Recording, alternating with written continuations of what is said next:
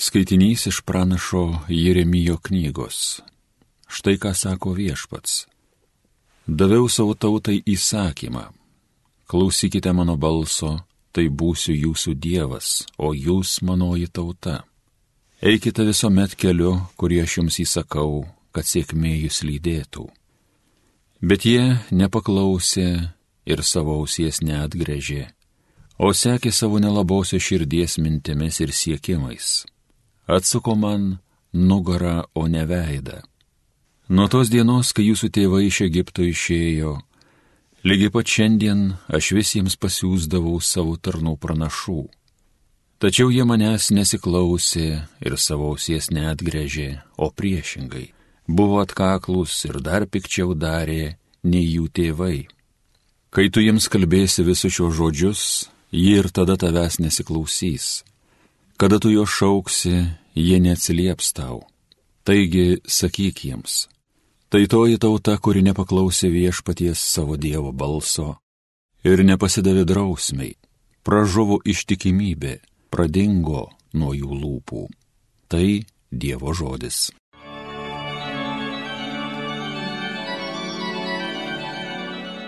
O kad išgirstumėt šiandien, ką viešpats byloja, tegul jūsų širdys nebūna storžėvis. Ateikite, linksmai šlovinkim viešpatį, šaukim iš džiaugsmo, nes jis mūsų tvirtovė. Su padėka jo akivaizdon eikim, jam giesmės džiugesio pinkim. O kad išgirstumėt šiandien, ką viešpats byloja, tegul jūsų širdys nebūna storžėvis. Tad eikime, pulkime žemėn prieš Dievą, prieš viešpatį klaupkim, kuris mūsų tvėrė. Jis mūsų Dievas, o mes jo ganoma liaudis, jo rankų globojamos avys. O kad išgirstumėt šiandien, ką viešpats byloja, tegul jūsų širdys nebūna storžėvis. O kad išgirstumėt šiandien, ką jis jums byloja, tegul jūsų širdys nebūna storžėvis, kaip anomet prie meribos, kaip tyruose masos dieną kur jūsų senoliai įžuliai mane bandė, nors stebuklus mano matė. O kad išgirstumėt šiandien, ką viešpats byloja, tegul jūsų širdys nebūna storžėvis. Garbėtau Kristau, amžinasis žodį. Iš viso širdies į mane atsiverskite, sako viešpats, nes aš maloningas ir gailestingas. Garbėtau Kristau, amžinasis žodį. Pasiklausykite Šventosios Evangelijos pagal Luką. Kartą Jėzus išvarė nebiliūno demoną. Demonui išėjus, nebylys prakalbėjo ir minia stebėjosi. Kai kurie žmonės sakė, jis išvaro demonus demonų valdovo Belzebulo gala. Kiti mėgindami jį reikalavo ženklo iš dangaus. Žinodamas, ką jie mano, Jėzus jiems tarė. Kiekviena suskilusi karalystė bus sunaikinta ir namai grūs ant namų. Jeigu ir šetonas pasidalijęs, tai kaip įsilaikys jo karalystė? Jūs sakote, mane išvejant demonus Belzebulo gala. Jeigu jau aš išvarau juos Belzebulo gala, tai kieno gala išvaro jūsų sekėjai? Todėl jie bus jūsų teisėjai. Bet jas išveju demonus Dievo pirštų, tai tikrai pas jūs atėjo Dievo karalystė. Kai apsiginklavęs galūnas sergi savo sodybą, tada ir jo turtas apsaugotas. Bet jei užpuls stipresnis ir jį nugalės, tai atims jo ginklus, kuriais tas pasitikėjo, ir išdalys grobį. Kas ne su manimi, tas prieš mane, ir kas nerenka su manimi, tas barsto. Girdėjote viešpatės žodį.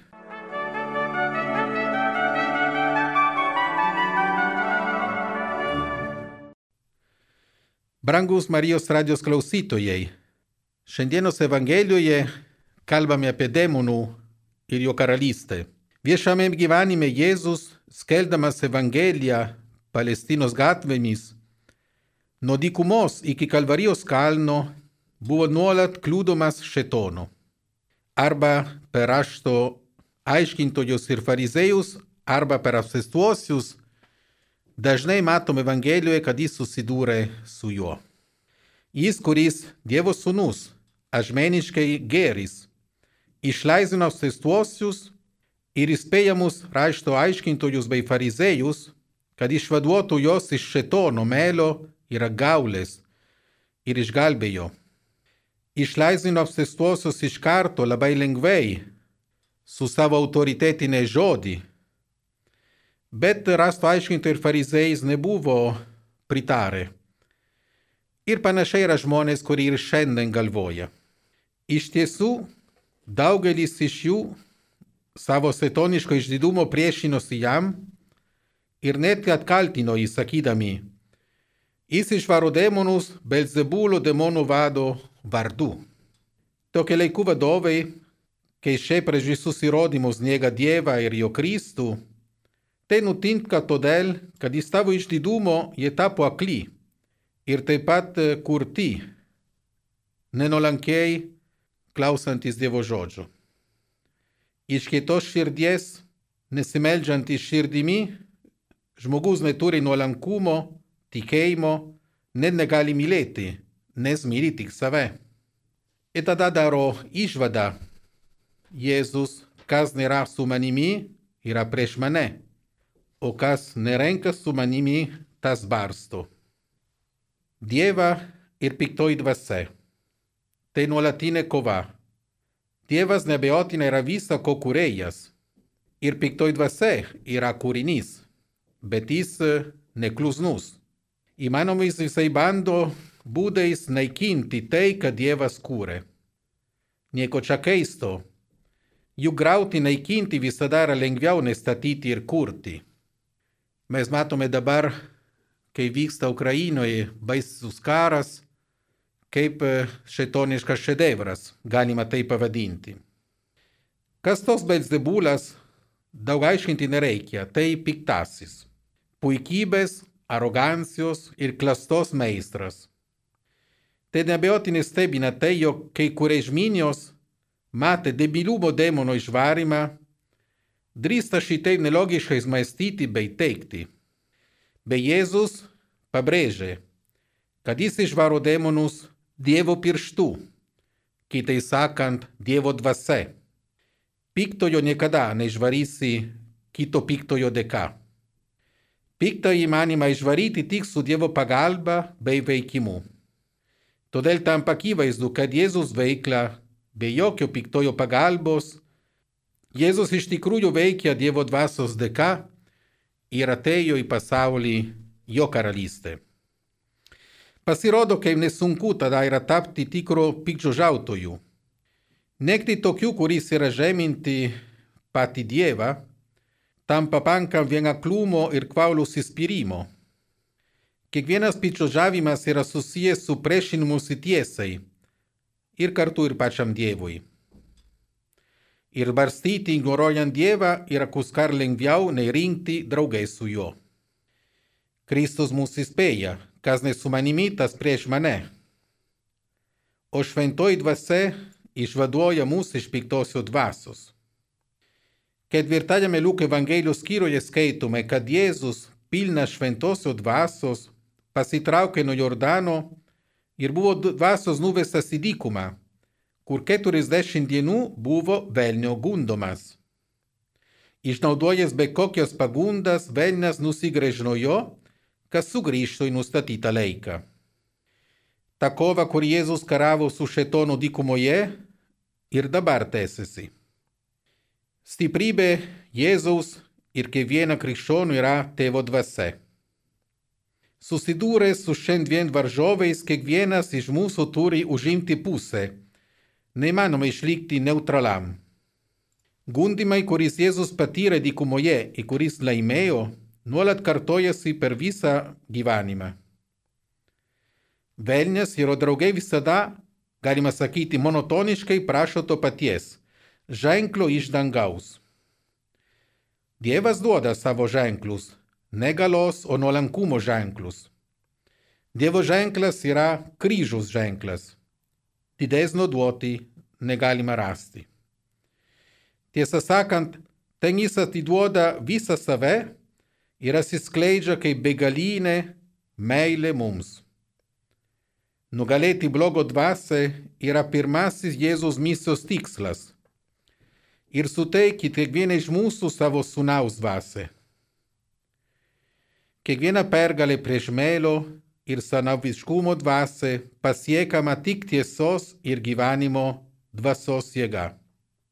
Aišku, šetonas nugalėjo pirmajame žmoguje Adome, nuo tada jis yra stiprus, gerai ginkluotas saugo savo turtą, kur yra žemės karalystės. Bet Jėzus yra stipriausias.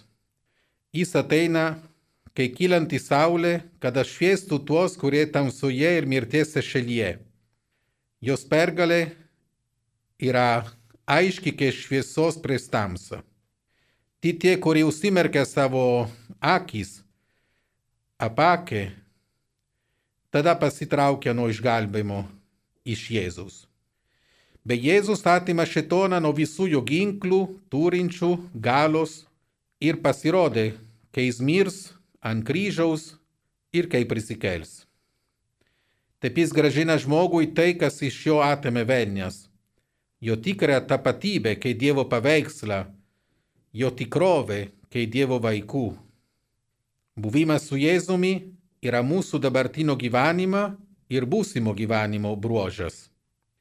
Brangiai tada, kas nėra su Jėzumi, tas su velniu. Nėra trečios pozicijos, nėra trečios galimybės. Tada pasirinkime kasdien ir šiandien, brangiai būkime kartu su Jėzumi. Neleiskime save vieni prieš velnio pagundų, bet kartosime Jėzus išmokytą maldą Dievui tėvui. Neleis mūsų gundyti, bet gelbėk mus nuo pikto. Amen.